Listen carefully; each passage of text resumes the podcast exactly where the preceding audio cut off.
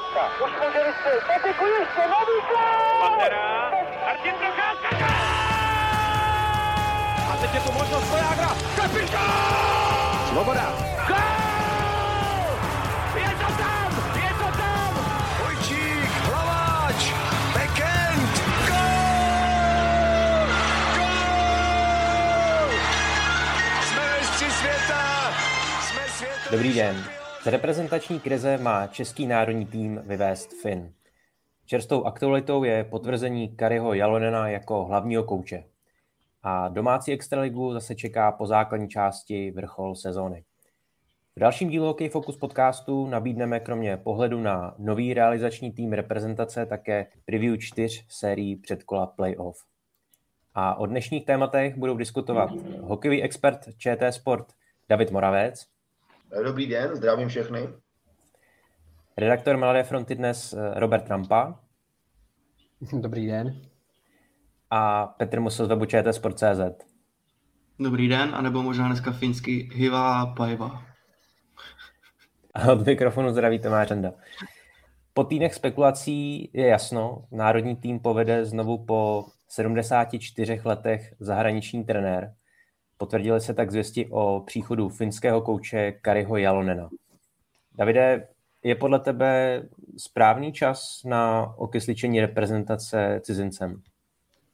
Dlouho, dlouho jsem o tom přemýšlel, abych pravdu řekl, jestli cizinec uh, pomůže naší reprezentaci a řekl bych, že uh, my ani nemáme moc, uh, moc kde šáhnout. My nemyslím, že by se neměli dobré trenéry nebo kvalitní, ale prostě něco zkusit, okysličit, jak si říkal, asi, asi ten čas přišel, protože uh, dlouho tady nebyl nikdo vlastně. A ta změna myšlení, přístupu nám může jenom pomoci.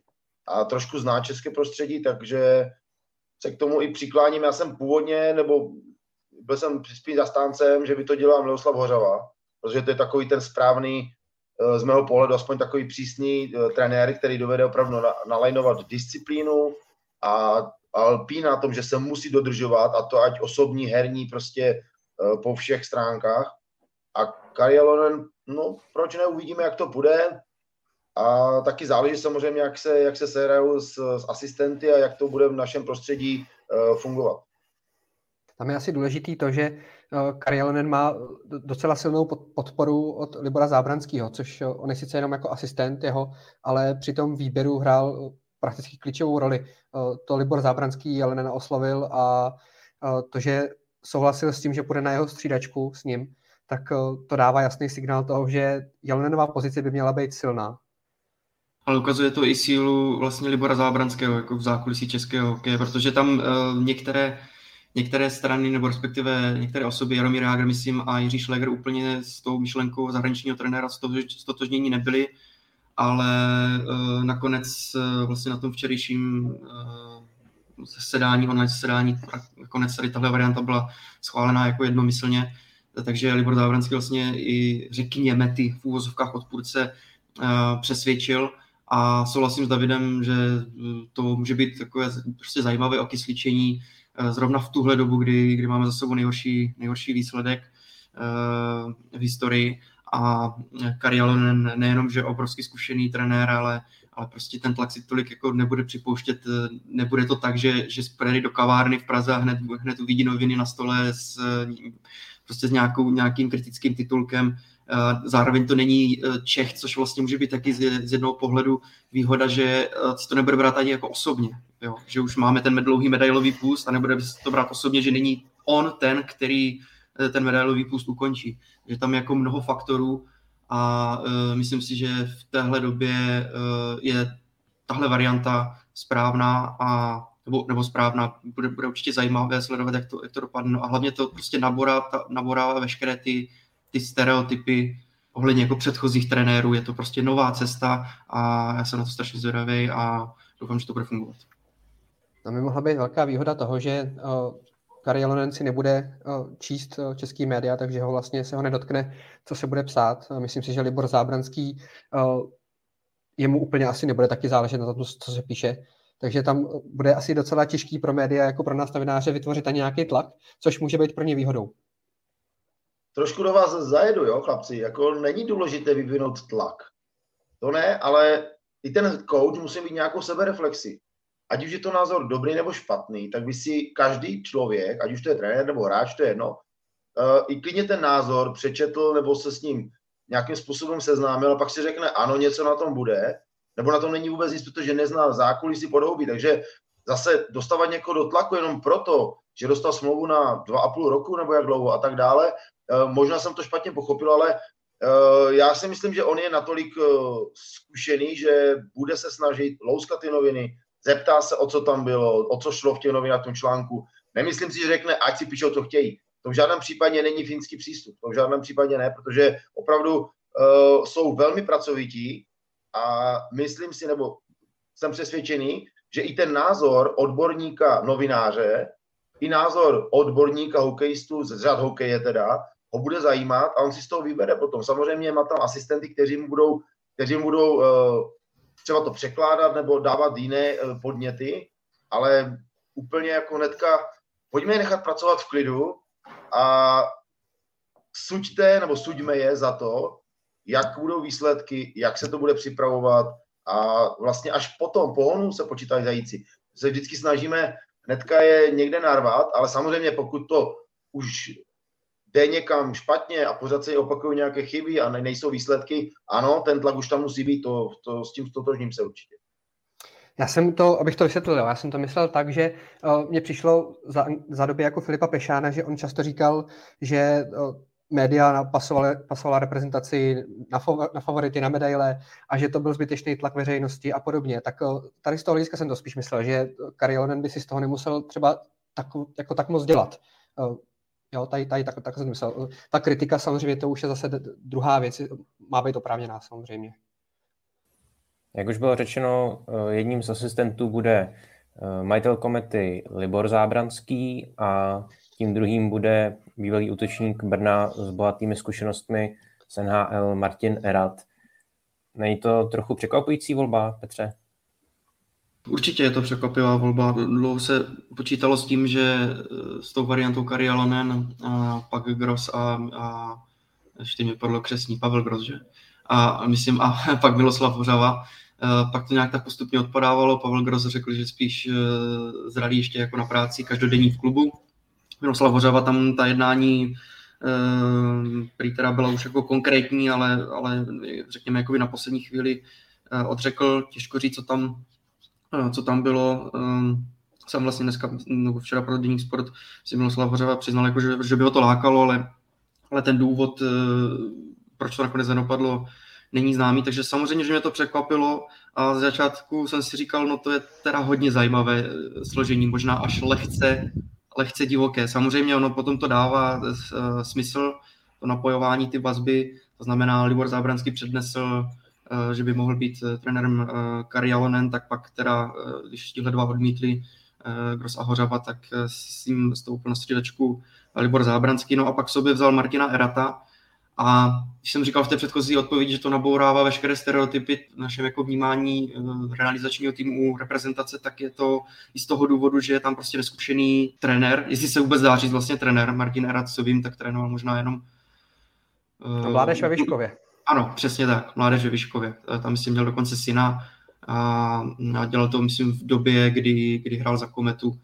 Takže to jsou jako z trenérského pohledu jako nulové zkušenosti, ale podle těch vizí a plánů by měl Martin Erat eh, dělat eh, hlavně přesilovky, se starat o přesilovky, eh, že Libor Zábranský říkal, že vlastně v té době i, i pomáhal, co se týče zase oslabení Eh, když byl v kometě, takže ty speciální formace by měl uh, řídit Martin Erat, což takhle už tady tím pádem dává smysl, ale uh, samozřejmě ty, ty trenerské zkušenosti jsou nulové. No a, a pak uh, možná k tomu řekneš víc, Roberte, uh, to dával teď vlastně na Twitter a jsem taky tu informaci slyšel, a pak se dokonce s Martinem Eratem a s Václavem Prospalem počítá na v pozici někde juniorské reprezentace, což je jako další zajímavá vize, kterou jsem taky slyšel eh, teď včera, takže proto, no, proto tihle dva.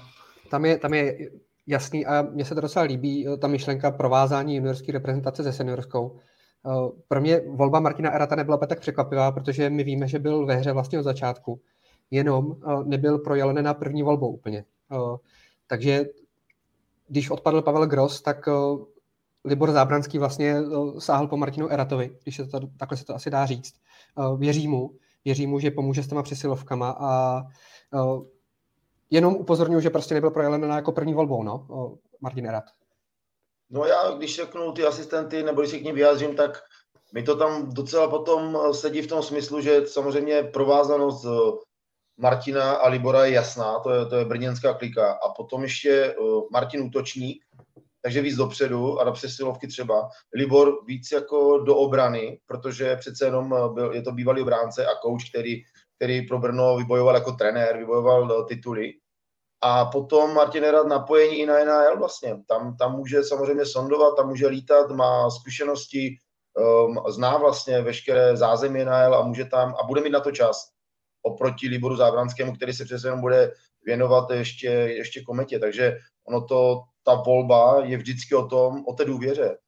Jo, nemůžete si vzít, pokud vám to dovolí samozřejmě vedení, tuto chvíli to je s vás, tak, uh, tak si vezmete někoho, komu věříte, na koho jste napojení, s, s kým si rozumíte, eh, na které máte stejné vazby a hlavně máte stejný názor, ať už to je na nějakou činnost, obranou, útočnou, do, domluvíte se, samozřejmě tam musí být nějaký, nějaká oponentura, nějaký názor, který bude zdravý a potom se na něčem domluvíte a navzájem se respektujete. To je, to je velmi důležité, protože když přijdou tři jiní lidé, naprosto jiní, tak potom je těžko to dát dohromady tak rychle.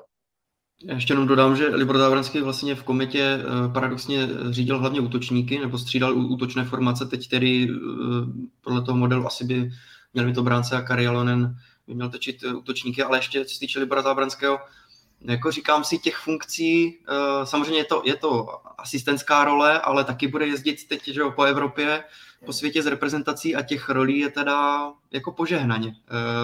Vlastně na, na druhou stranu je to jenom na klubové úrovni, eh, je to vlastně na jeho půdě, eh, jsem kumuluje jsem to vlastně s Kometou, ale i to jsme, když si zmiňovali taky u Filipa Pešána, nebylo to teda, to bylo v rámci svazu u Filipa Pešána, jo, že je šéf trenér a ještě hlavní trenér reprezentace, ale taky toho bylo plno, takže já si myslím, že Libora Zábranského čeká jako celkem náročné období, ale jak taky jsem říkal, prostě lákalo to a tentokrát už to uh, už to neodmítla, ale podle mě musí mít v kometě už uh, nějakou vizi na příští sezónu, že, že prostě na té střídačce komety už, už by asi jako nevím, jestli by zvládal být uh, na střídačce reprezentace ještě komety, takže určitě musí mít nějaký, nějaký další plán, protože těch, těch rolí bude jako opravdu hodně vytížený. Nový realizační tým doplnil ještě staronový kouč brankářů Zdeněk Orst a smlouva je platná pro všechny do května 2024, tedy do toho domácího mistrovství světa. Eh, pozici asistentů, ale jak už bylo eh, zmíněno, někteří adepti odřekli. Roberte, je podle tebe stále pozice na lavičce české reprezentace lukrativní? Je. Já se odkážu na Petra Břízu, s kterým jsem včera o tom mluvil a dělal se s ním o tom rozhovor docela s tím souhlasím v tom ohledu. On mluvil o tom, že uh, my okamžitě ze všech trenérů reprezentace eh, děláme z začátku uh, spasitele a, a v průběhu veřejného nepřítele číslo jedna. Takže ta pozice lukrativní určitě je, jenom trenéři prostě, nechci říkat, že mají strach, ale minimálně mají obavu o svoji reputaci, o to, že, se, že si pokazí to, co si budovali roky, to, že vyletí během půl roku třeba, Eh, to si myslím, že tam hraje velkou roli. Možná Davide se mnou nebudeš souhlasit, nevím. Nesouhlasíš? No já to, já nevím, já na to mám jiný názor. Samozřejmě nevidím do hlavy trenéru, i když se snažím samozřejmě proklouznout eh, do toho trenérského řemesla, ale reprezentace je přece nejvíc, to se prostě neodmítá, tam člověk jde, protože eh, když ho osloví, tak říkat jako, že ne, já mám já si nejsem jistý, samozřejmě neřeknu, že mám strach o své reputaci, to nikdo neřekne z trenéru.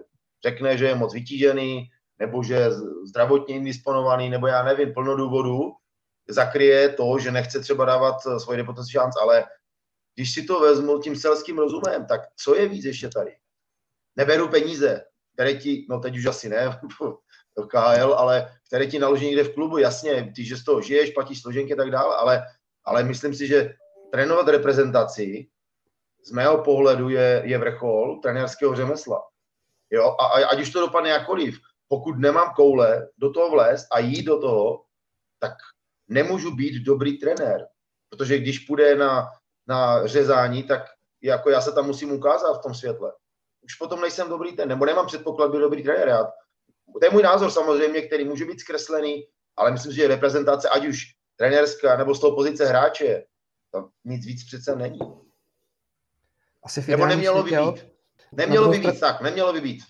Na druhou stranu, jako v, re- v realitě vidíme to, že to tak asi, ne, asi úplně jako neplatí, protože ty trenéři ty pozice odmítají nebo se do toho úplně nehrnou. Tak ale to už je možná trochu, uh, uh, možná to je ovlivněno nějakou morálkou společnosti. Jo, to už teď prostě je v nás, v lidech, že začínáme se nějakým... A vidíme to, teď to vidíme dnes a denně, jak se kdo chová, jak jsme k sobě, a to je trošku odbočím od hokeje, ale sport jako takový v naší, je odrazem naší společnosti. Jo, je to, a já se s tím zžívám denně, kdy poznávám podstatně menší záležitosti v klubové, na klubové úrovni a je to opravdu odraz naší společnosti potom. Kdo jak se chová a přenáší to do sportu, rodiče to přenášejí na děti a tak nám vyrůstají vlastně reprezentanti nebo budoucí vlastně reprezentanti a tak dále. Je to, je to odraz společnosti, ať chceme nebo nechceme. Trenéři, OK, všechno takové, všechno okolo. Obecně ještě, jak jsme se, jsme se o těch cílech bavili, ale pojďme být i v těch cílech teď trochu realističtí, protože a zase četl jsem, myslím, teda dnešní deník sporta a, a, a generální manažer Nedvěd říká, jakože že zisk medaile z šampionátu eh, a návrat mezi hokej velmocí je naším velkým cílem. Ano, je to samozřejmě cíl, to je jasné, to, ten, ten cíl my, my musíme, ale v dlouhodobějším horizontu. Trenéři teď mají vlastně smlouvu na dva roky a myslím si, že to bude muset být jako opravdu po velice postupných kružcích, protože uh, prostě ta, ta konkurence, teď, teď se nám to ukázalo na těch posledních šampionátech, že pro nás jako medaily mm, získat bude, bude to vždycky, když, se, když už se to povede, tak to bude prostě vydřené, takže takže i z tohohle pohledu, aby tam třeba ten trenér jo, nešel tady, tady s tím, že se mu to třeba neustále bude předazovat. Jako, musí to být cíl, jasně, český hokej to musí být cíl vzhledem té historii. Ale pojďme jenom trošku jako postupně a, a v dlouhodobějším horizontu. Tam, tam jde vidět jasný cíl a jasný záměr uspět na domácím mistrovství světa.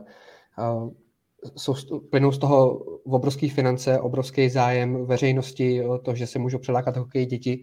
Uh, ale přesně nad tím taky přemýšlím, jestli, uh, jestli je správně cílit na jedno mistrovství tak vehementně a jestli radši si jako strategicky neurčit nějaký jako postupný kroky, nějaký plány jako z dlouhodobého hlediska, než cílit na jedno konkrétní mistrovství.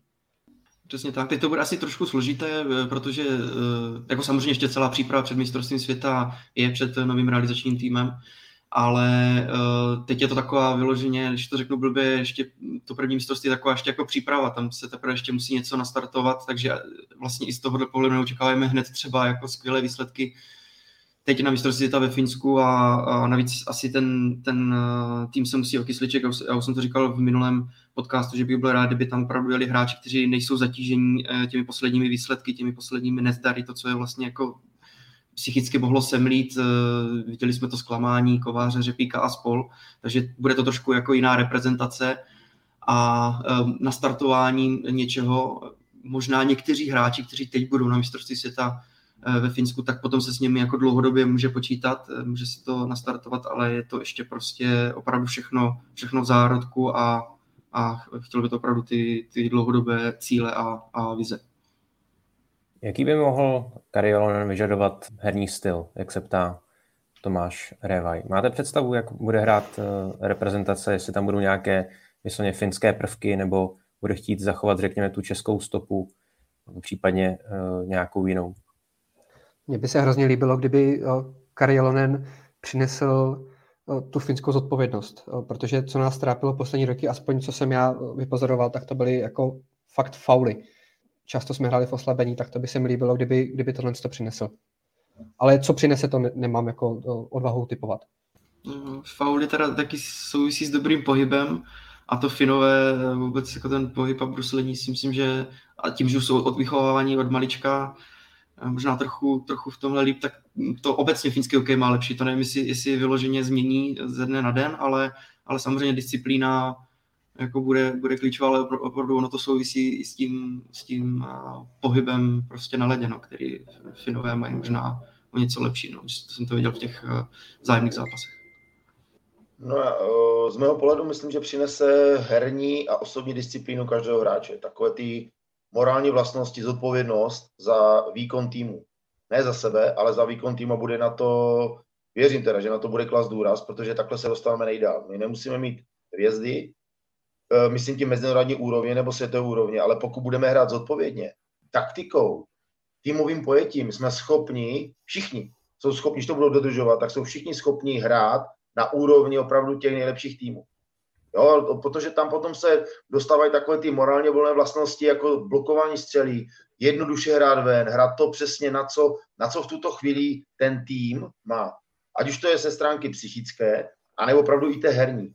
A pokud to Karialonen eh, překousne, anebo rožvíka úplně celé, tak potom samozřejmě si myslím, že my se můžeme, neříkám, že se vrátíme na medalové pozice, ale herní a osobní disciplína je velmi důležitá, aby jsme se někde posunuli a asi uh, bavili jsme se o nějakém horizontu, kdy a jak nastartovat. No, uh, mají dva a půl roku, nevím, jaké mají cíle, nebo jaké dostali vlastně cíle, jestli mají přivést eh, medaily z mistrovství světa, které bude tady u nás v České republice, nebo jak to, ale my bychom spíš měli brát postupně ty cíle. Zápas od zápasu, turnaj od turnaje, a od toho se odrážet. Nemůžeme najednou si říct, jenom ten dlouhodobý cíl je dobrý, je fajn, ale my potřebujeme dostat se, začít do nich dávat taktiku, daní, dávat disciplínu, osobní zodpovědnost a potom se to může začít řetězit a pak z toho vznikne silný základ a vlastně i ta mozaika. Jo, a pak ti hráči se přidávají, protože je to, je to strašně jako začne, začne to bavit, když se začne vyhrávat a když to začne bavit, tak budou mít rohlíky a pak, se, pak to půjde samo. Ale oni musí vít, že se musí obětovat jeden pro duel. Jenom vlastně nevím, jestli tohle všechno dokáže změnit jeden člověk u reprezentace. Umím si představit, že se do toho Karionen vrhne úplně jako kompletně. On to vlastně, myslím, včera Libor Zábranský zmiňoval, že, nebo Petr Nedvěd, teď nevím, že Karionen se ani nechce vracet moc do Finska, že chce být tady v Česku, tak pokud bude objíždět kluby, bude mluvit s trenéry a, a, a podobně, tak si myslím, že by to bylo jako skvělý kdyby jako komunikovala s těma lidma a, protože ta disciplína a ta výchova, to je přeci v těch, v těch klubech a to, to těžko opravdu změní ten trenér u té reprezentace, to, tam už ti hráči s tím musí přijít. No to zase úplně ne. To, že nebude jezdit do Finska, je dobře, protože se eh, samozřejmě připomene na zimáku, bude chodit na playoff zápasy, najednou eh, bude objíždět eh, všechny zápasy, bude zjišťovat vlastně jednotliví kluci, jak se jeví v zápasech těch vyrocených chvílích. Eh, bude mluvit s manažery, bude mluvit s majiteli a je to jenom dobře, protože bude získávat i podhoubí českého hokeje. Ten základ, takový ten, ten eh, s čím může počítat. A když přijde hráč do reprezentace, tak eh, já vím, že ne, nezíská najednou něco, mávnutím proutku, nebo že to takhle luskne. To ne, určitě. Ale tam by měl automaticky plnit nějakou roli a musí tu roli přijmout. Jestli bude hrát ve třetí pětce, bude bude mít prostor hlavně na oslabení a když ji přijme a bude dělat dobře, tak pomůže týmu. A co já mám informace, tak eh, vlastně v tom Lvu Praha, když byl, tak to vycepoval. To nebyl tým hvězd, všech hvězd. Tam byli dobří hráči, samozřejmě, ale nebyli to, nebyl to tým hvězd, ale on hrál především týmově, semknutě. Jo, to si myslím, že bylo, to bylo asi to nejposlednější, kam se dostal. A ono to řešení té reprezentace je, když na tom bude takhle pracovat zároveň jako to, to, byla klubová práce, že jo, jako dlouhodobá, každodenní. V té reprezentaci to asi tam takový prostor jako mít nebude. Ale souhlasím, že by bylo skvělé, kdyby objížděl eh, kluby a mluvil s lidmi a zjistil ještě víc, než ví o českém hokeji.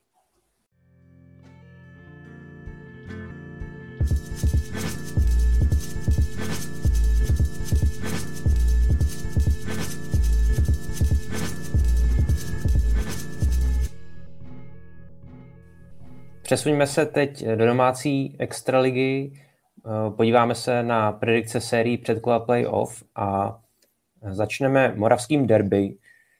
Po základní části osmé Vítkovice vyzvou devátou Olomouc.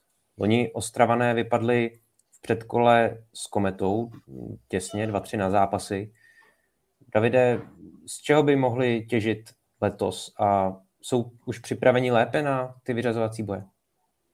No, jako, to, je, to bude těžký souboj. Uh, myslím si, že uh, rozhodnou brankáři. To v každém případě, protože nenadarmo se říká, že playoff je trošku, a, a berme před kolo už jako playoff, jo, uh, že playoff je trošku jiná soutěž. Tam se hraje uh, obětavě. Tam se hraje daleko více na, na zodpovědnost a není tam čas uh, vypustit nějaký moment. A ne, nemyslím si, že to bude pro ně jednoduché tím, že začínají doma a měli sice v základní části o 7 bodů více, ale taky hodně gólů, hodně gólů potom ke konci dostávali, málo gólů dali, ale té Olomouc je na tom skoro stejně. Takže tam fakt rozhodnou takové ty, takové ty drobnosti první, druhý zápas, jak se vyvine a potom eh, ta série může pokračovat pro toho, pro toho vítěze lépe, ale bude to velmi vyrovnaná série. Eh, Vítkovice mají stezku, ale Olomouc má Konráda. Eh, Olomouc má Samozřejmě se to točí kolem Davida Krejčího, ale Vítkovice mají víc takových uh, mladíků, kteří jsou lační potom ukázat se. Jsou plní energie, síly a, a prosazují se už. Takže, takže uvidíme, jak, v jakém jsou. A samozřejmě jsou tam i zkušení hráči. Mají tam takového toho, takového toho zlobíče Dominika Lakatoše, a, ale platného, samozřejmě produktivního. A, ale Olomouc tam zase takové ty zodpovědné dříče a, a bude to velmi zajímavá série, která pojede na krev a Vítkovice se chtějí konečně zase někam posunout, ale Olomouc eh, z kraje sezóny vypadala na tom velmi dobře, až, až, až překvapivě dobře. Klesli hodně, teď se zase dostali zpátky, takže oni dostali herní, takovou tu herní formu dostali ke konci ligy, takže bude to, bude to vyrovnané. Já se na tu sérii možná dokonce těším nejvíc ze všech těch čtyř předkol. Eh, přijde mi, že by to mohla být vyhrocená série. V Olomouci hraje spoustu ostraváků. Eh, bude to vyrovnaná série, bude rozhodovat málo branek, eh, to si myslím já. A já tu sérii budu sledovat a možná opravdu víc než třeba sérii Pardubice s Varama, kde si myslím, že to bude jednoznačnější. Na tady tu sérii se opravdu těším.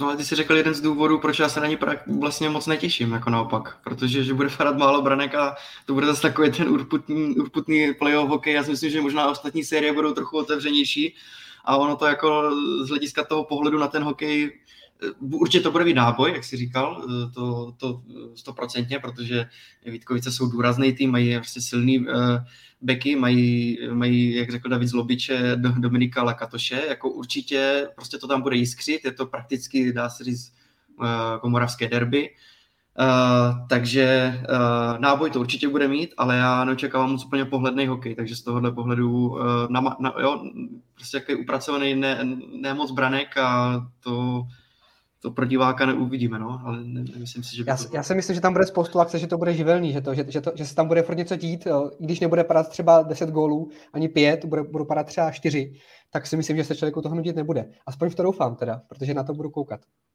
No já ještě jsem zvědavý na Vítkovického brankáře, pravděpodobně teda to bude Aleš Teska, ale on zažije první playoff nějaké takové velké a uh, to bude křest o něm, on v sezóně hrál, nebo chytal velmi dobře, pak měl určité období, kdy úplně mu to nešlo, což, což je ale normální, protože vběhl do toho Zavířova a poprvé vlastně byl jednička v extralize, takže eh, do ligo zastoupil velmi dobře, ale taky nikdy nebyl úplně tou jedničkou.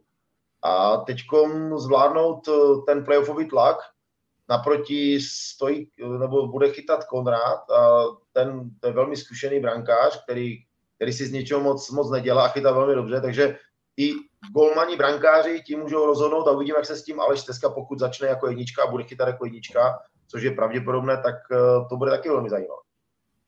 Bude hrát nějakou roli ta olomoucká forma? Poslední zápasy uh, vlastně všechno vyhrávali. Určitě, přenesou si to dál, protože to v, ní, to, to, to v tobě zůstane, ta forma. Ty si věříš pořád. Jasně, je to jiná soutěž v vozovkách, ale ty zůstává v tobě to sebevědomí, ten eh, pocit vítězného zápasu a, a jdeš dál prostě. Je to lepší, než kdyby si poslední čtyři zápasy prohrál a teď jdeš, no tak nemáme co ztratit. Ale to nemá co ztratit, kolikrát je takové, že, že zase se něco vymele a ty už si přestaneš věřit. Jedna drobnost a už je to tady zase, už, už to je tady. A ruku na srdce, není moc hráčů, kteří řeknou, nic, jdeme dál, pojďme, musíme, věřme tomu za každou cenu. Jo? To, to, potom se, ta forma se přenáší v každém případě. Eh, za mě Olomouc je možná ještě eh, jako o něco lepší formě. uh, protože v závěru přece jenom museli, museli ještě šlapat, museli makat, museli se vzdálit vlastně té hrozbě toho, že by jako nebyli vůbec v playoff, pak nakonec to bylo úplně v suše, já nevím, jestli se sedmi bodama náskokem nebo tak nějak.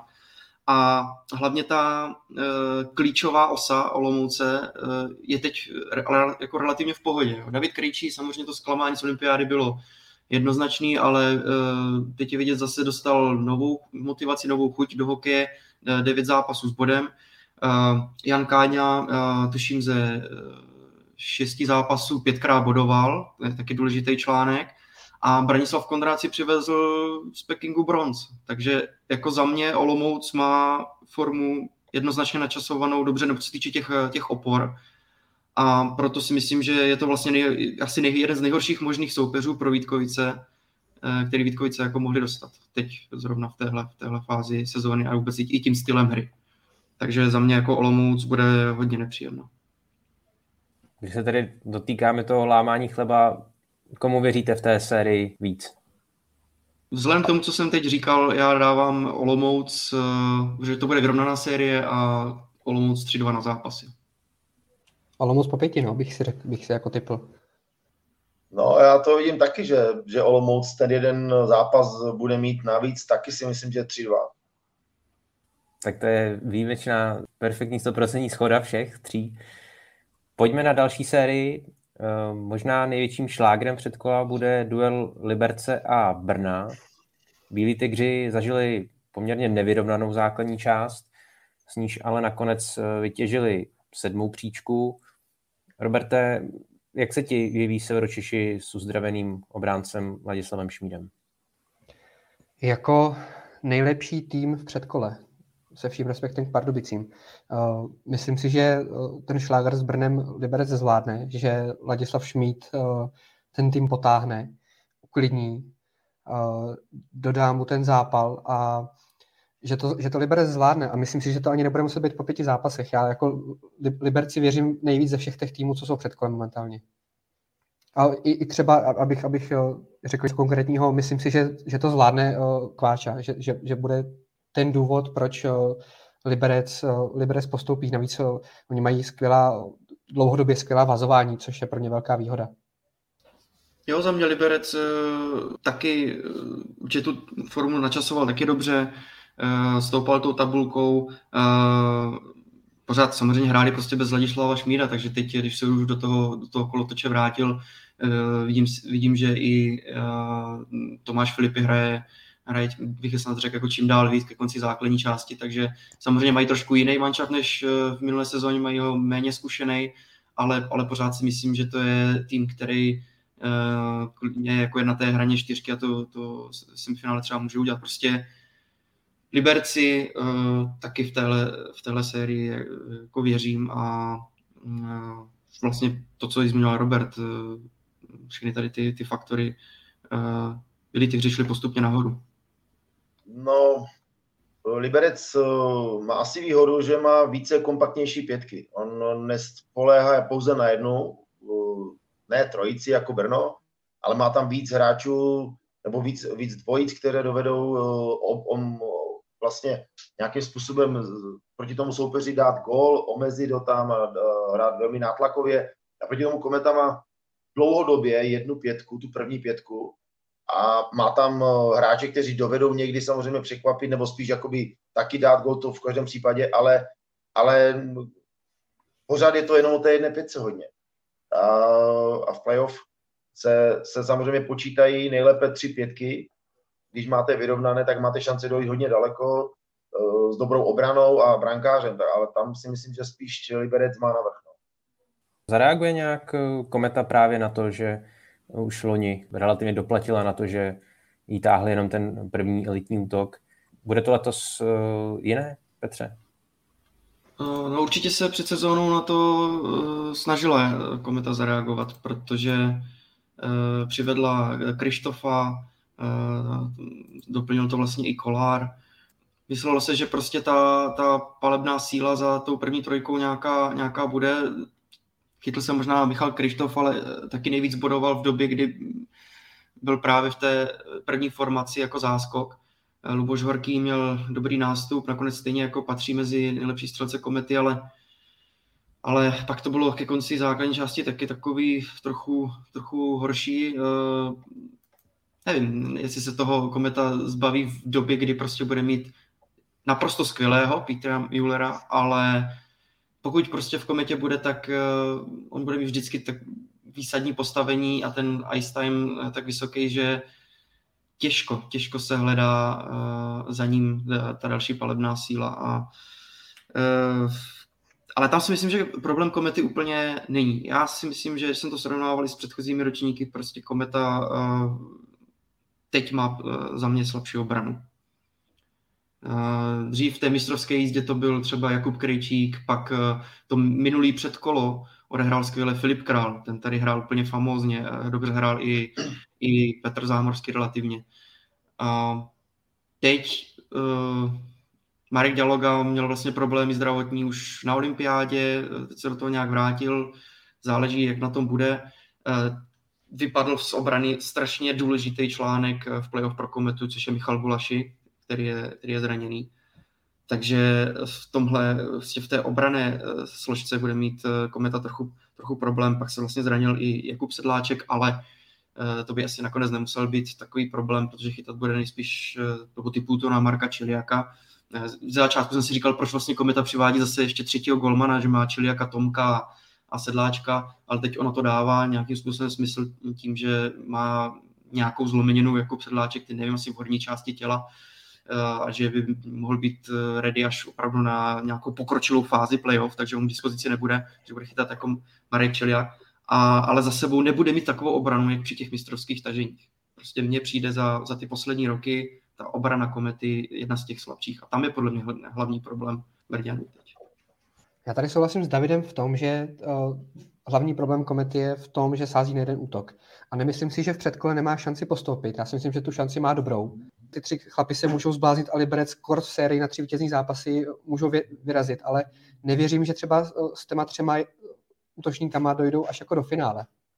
Že ta únava se přeci musí dostavit. No tak hlavně člověk, ale nebo ta, ten tým se na ně připraví. Oni můžou samozřejmě obětovat v na, na tu první pětku, můžou obětovat uh, tři velmi nepříjemné hráče, razantní, silové, uh, které, kteří jim to budou znepříjemňovat. A Samozřejmě, když tam dvakrát zmastíte uh, Petra Holíka, Martina Zeťoviče, teď to začnete mlaskat, teď nedostane Pito Müller, nedostane ty správné nahrávky od, od, Petra Holíka a tak dále, tak jim to znechutíte. Oni budou bez puku, teď budou podrážení, to prostě, prostě budou se snažit samozřejmě hrát týmově a teď to někdo, ale kdo to vezme, když oni to budou tak. Samozřejmě přesilovky, tam může to těžší je nějak eliminovat, jo, protože tam přece jenom ty přesilovky jsou velmi, velmi dobře sehrané, kreativní, tam se to špatně brání a oni toho dovedou velmi dobře využít. Samozřejmě ještě eh, v soustažnosti nebo v souvislosti s obránci, kteří tam s nima budou na ledě, nebo když tam budou čtyři útočníci, viděl jsem tam i pět dokonce, ale jenom jde o to, že základní, nebo v té hrací době, kdy to bude pět na pět, je pohlídáte, tak je budete jenom mastit, budou nepříjemně, budou podráždění a, a, a je to velmi těžké potom. A to je přesně to, co jsme tady vlastně i s kolegy rozebírali. Když hrajete na jednu pětku, tak se to dá daleko lépe pokrýt, než když máte tři pětky. To už nemáte šanci to pokrývat, to prostě nejde. Takže v této sérii všichni tři věříte Liberci? Já ano. Tentokrát taky Liberci v předchozích playoff bych možná řekl Kometu, ale tentokrát typu 3-1 pro Liberec. Aby, aby byl konkrétní, pojďme dávat ty konkrétní typy. Tak já Můžeme si to potom vyhodnotit. 3-2 Liberec. Já si myslím, že Kometa nebude zase tak snadný soustav. No já si myslím, že spíš to bude 3-0. No.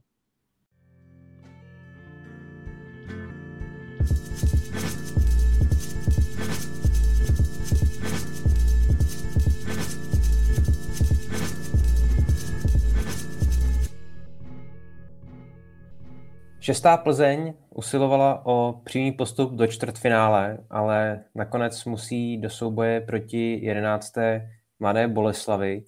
Západočeši vstupují do prvního playoff bez eh, Milana Gulaše. Davide, může to větší rozprostření ofenzivní síly Škodovce v playoff eh, vlastně prospět?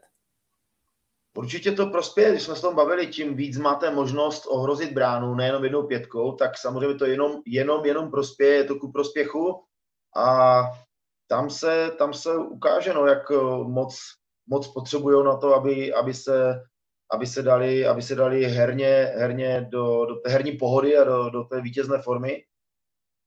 Boleslav uh, klesala tabulkou a tam, tam je to velká neznámá. Oni v sobě mají velký potenciál, ale teď jde o to, aby ho v sobě objevili a to ukáže první, první utkání, ukáže, jak na tom doopravdy jsou. Tam uh, jedou, jedou do Plzně a můžou tam uh, překvapit a tím překvapením potom samozřejmě si vybudují sebevědomí a, a můžou se vrátit zpátky na tu základní čas, kdy byli nahoře, kdy, kdy byli do čtvrtého místa a hráli velmi dobře, hráli dobrý, jednoduchý, uh, útočný hokej a to se může vrátit. A, ale nic není nemožné samozřejmě. Plzeň eh, podle mě pro playoff má ideální předpoklady, pokud se teda potvrdí to, co z základní části, tak mají třetí nejlepší přesilovku a nejlepší oslabení. A to víme, že to se taky eh, často říká, a ono to tak jako prostě je, platí to, že speciální formace eh, playoff rozhodují. A s tímhle jde Plzeň do, do playoff, prostě ty speciální formace zvládá v obou formacích těch, těch přesilovkových. Je tam nespočet hráčů, kteří prostě dokáží dát gol, zakončit Blomstrand, Bulíř, Zierkals, Mertl na té, na té pozici v, v tom slotu mezi kruhy. Takže eh, tohle může být dost podstatný faktor a proč je vlastně i pro mě Plzeň jako favoritem této série. Naopak mladá Boleslav zažívala hodně takovou jako turbulentní sezónu. Začátku jsme ji tady chválili, když jsme dělali, chválili, když jsme dělali podcast někdy, myslím, v říjnu. Měla dobrý nástup, pak se to začalo trochu bortit a teď Radim Rulík jasně říká, Plzeň je favorit této, této série, takže to, to takhle jako koresponduje. Není to ale zároveň trošku taktika ze strany Mladé Boleslavy, kdy se schválně staví do, do, do role outsidera. Přece jenom ten tým, očekávali jsme od něho víc.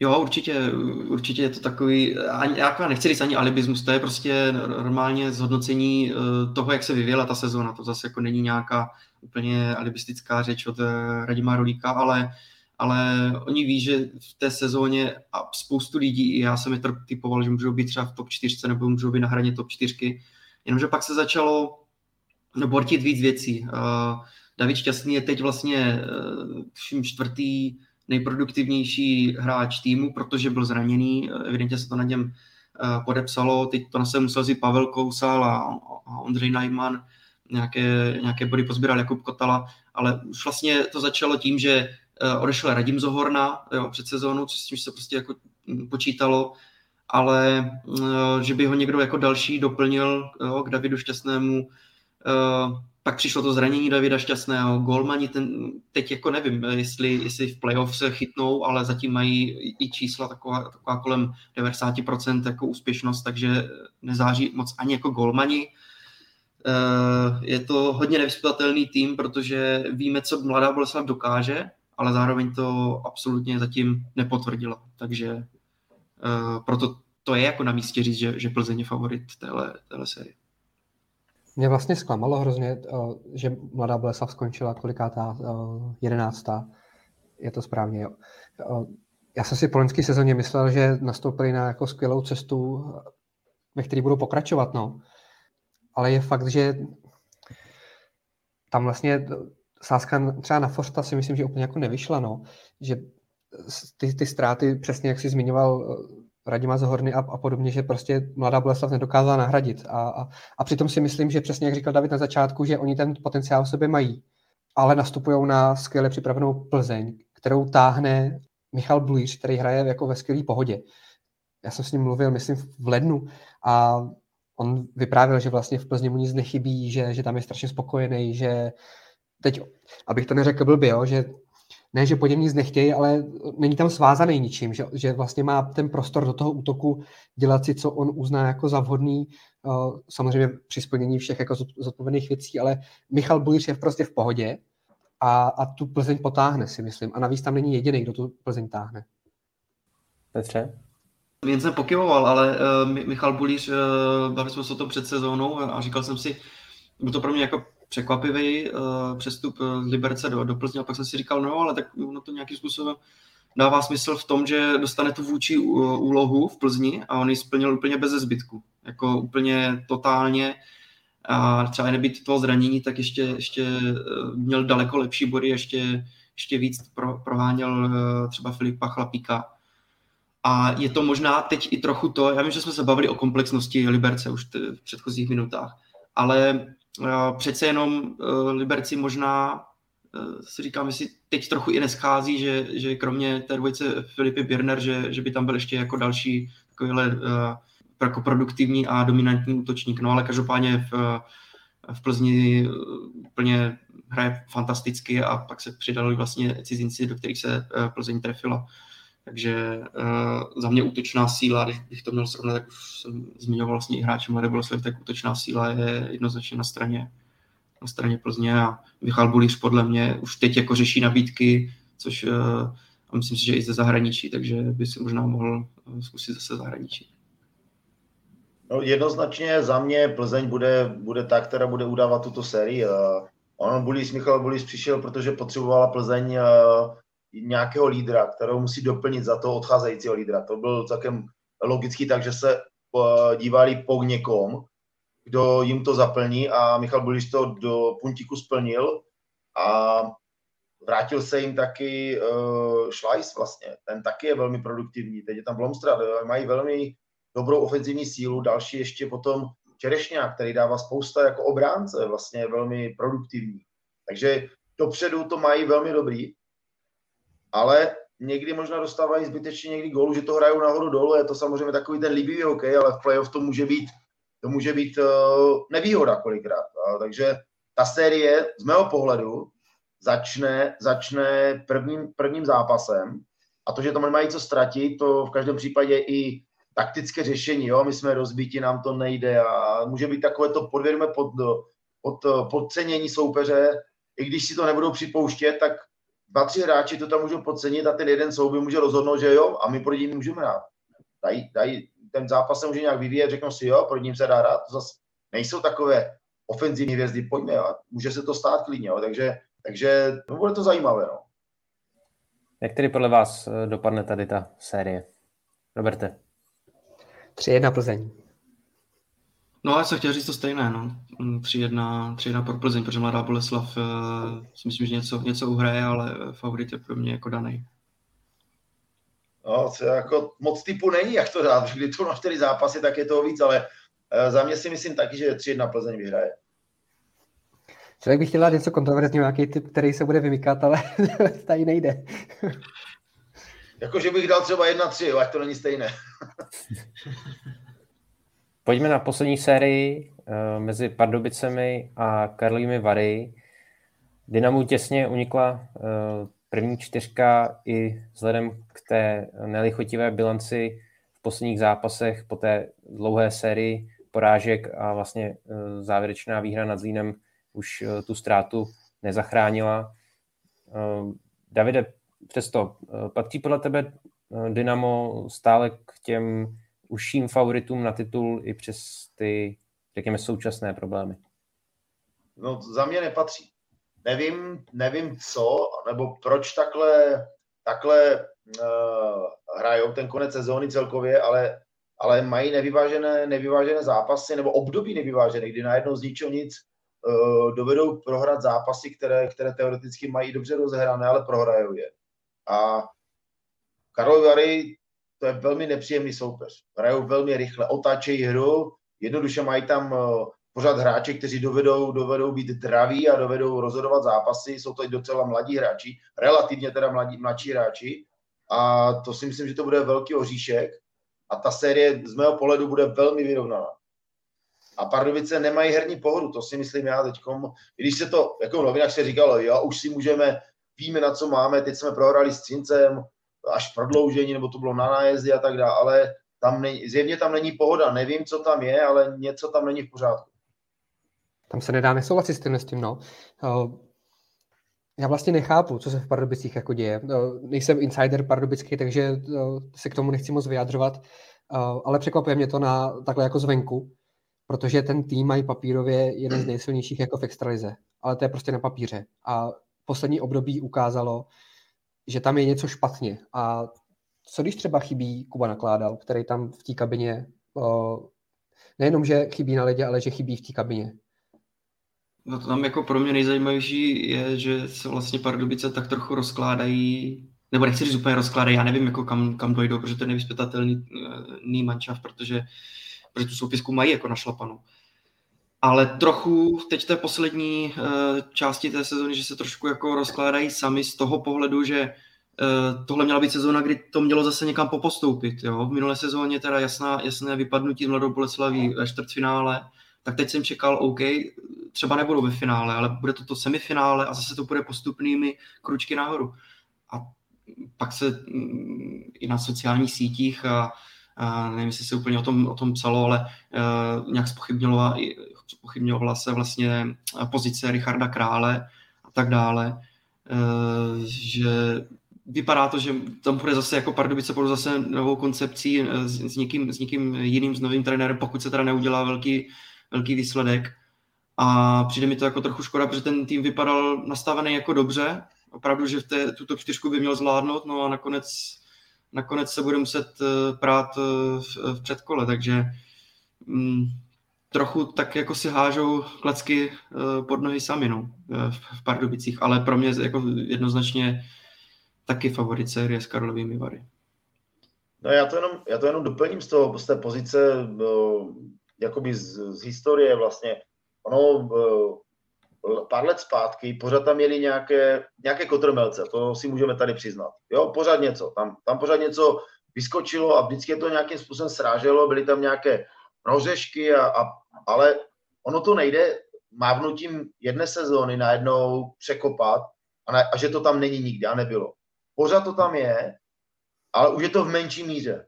Oni se posunuli, ale nemůžeme po nich chtít, aby hrali o titul, to prostě nejde to je, je to tam zakořeněné delší dobu, kdy opravdu tam byly uh, psíkusy, dělali se tam různé přehmaty a vlastně není to tak dávno, co hráli v Jihlavě, vlastně baráž, kde hráli nějakou za, zajišťovačku. Oni se postupně posouvají, ale pořád tam mají sem tam nějaké přehmaty.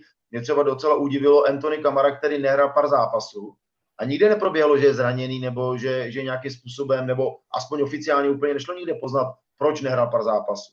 A přitom to je hráč, který byl takový ten, takový ten eh, nepříjemný žolík na ledě, který tam sestřelil uh, Jardu a, a byť, byť, to nebylo úplně fér, ale, ale prostě si s tím nedělá, nedělá si s tím hlavu a takový hráči jsou důležití, ale nevíme, proč, aspoň já teda jsem nezjistil nebo nezaznamenal, proč nehrali, tam byl nějaký rohřešek nebo nějaký spor, nebo co tam bylo, jo, jako z mého pohledu je tam pořád nějaké, nějaký otazníček.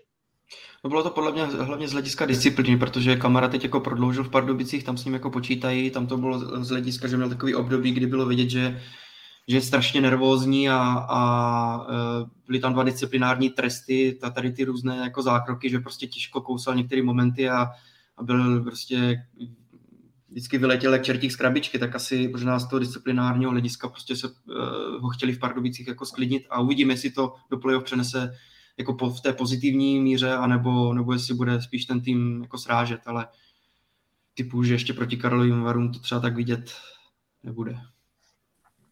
Hraje podle vás eh, roli i tlak od eh, majitele Petra Dětka? Jak se ptá Jan Chovančík. Proč by měl, eh, nebo proč by měl hrát nějakou jako výraznou roli? Petr Dědek tlačí na úspěch a úspěch, úspěch chtějí i hráči nevím, jestli někomu může vadit, že se třeba vyjadřuje víc do médií, že je ostřejší ve výrocích. Eh, zvenku mi přijde, že není důvod eh, se jako nějak bát toho tlaku Petra Dětka, ale třeba by mě vyvedli z omilu někteří jiní lidi z Pardubic. No, no, neznáme zázemí, neznáme zákulisí vlastně pardubického hokeje. Já nebo já teda aspoň ne. Je možné, že po každém prohraném zápase tam, tam běhne a prostě odplit něco řekne hráčům. Takhle se nehraje. Jo, já tady dávám peníze, já to tady všechno topím a já tady a tak dále. Může to být, a to je ten tlak třeba. Ale to neděje se to pravděpodobně, jo.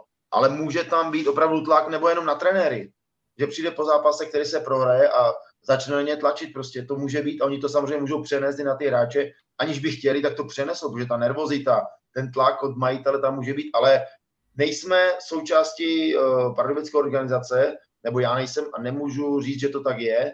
Jestli jim do toho mluví uh, pravidelně, nebo jednou za čas se sejdou, jednou za měsíc, jednou za nějaké období a teď si tam vyříkávají, proč to tak bylo, jo, mají připravené vlastně nějaké zprávy z toho působení, z toho výsledky, proč byly takové a, a proč to nevyšlo. Může tam být tlak takový, ale nemyslím si, že, že, že to je teda v. Pojďme ke Karlovým varům. Energie zvládla ten psychicky náročný závěr, včetně toho přímého souboje s Litvínovem. Roberte, čím by mohli západočeši zaskočit ambiciozní Dynamo? tím, že budou proměňovat těch pár málo šancí, co budou mít. Já si jako teď představuju, jak ten zápas bude probíhat a vidím to tak, že Pardubice budou tlačit, budou v útoku a Vary budou spolíhat nějaký rychlý protiútoky eh, na to, že budou Pardubicím odebírat eh, puky, Pardubice budou chybovat a Karlovy Vary nutně potřebují ty šance, které budou mít, potřebují proměňovat, protože si myslím, že jich budou mít méně než Pardubice. No a za mě stoprocentní výkon eh, Štěpána Lukeše když vlastně přišel, byla ta výměna eh, společně s Filipem Novotným z Hradce, tak eh, ze začátku i sám on v, v pozápasových rozhovorech si některý góly vyčítal, ale teď ten závěr základní části zvládl, zvládl výborně, takže jako rozchytaný nebo ve formě by měl být. Takže ten může Karlovi Varům hodně pomoct.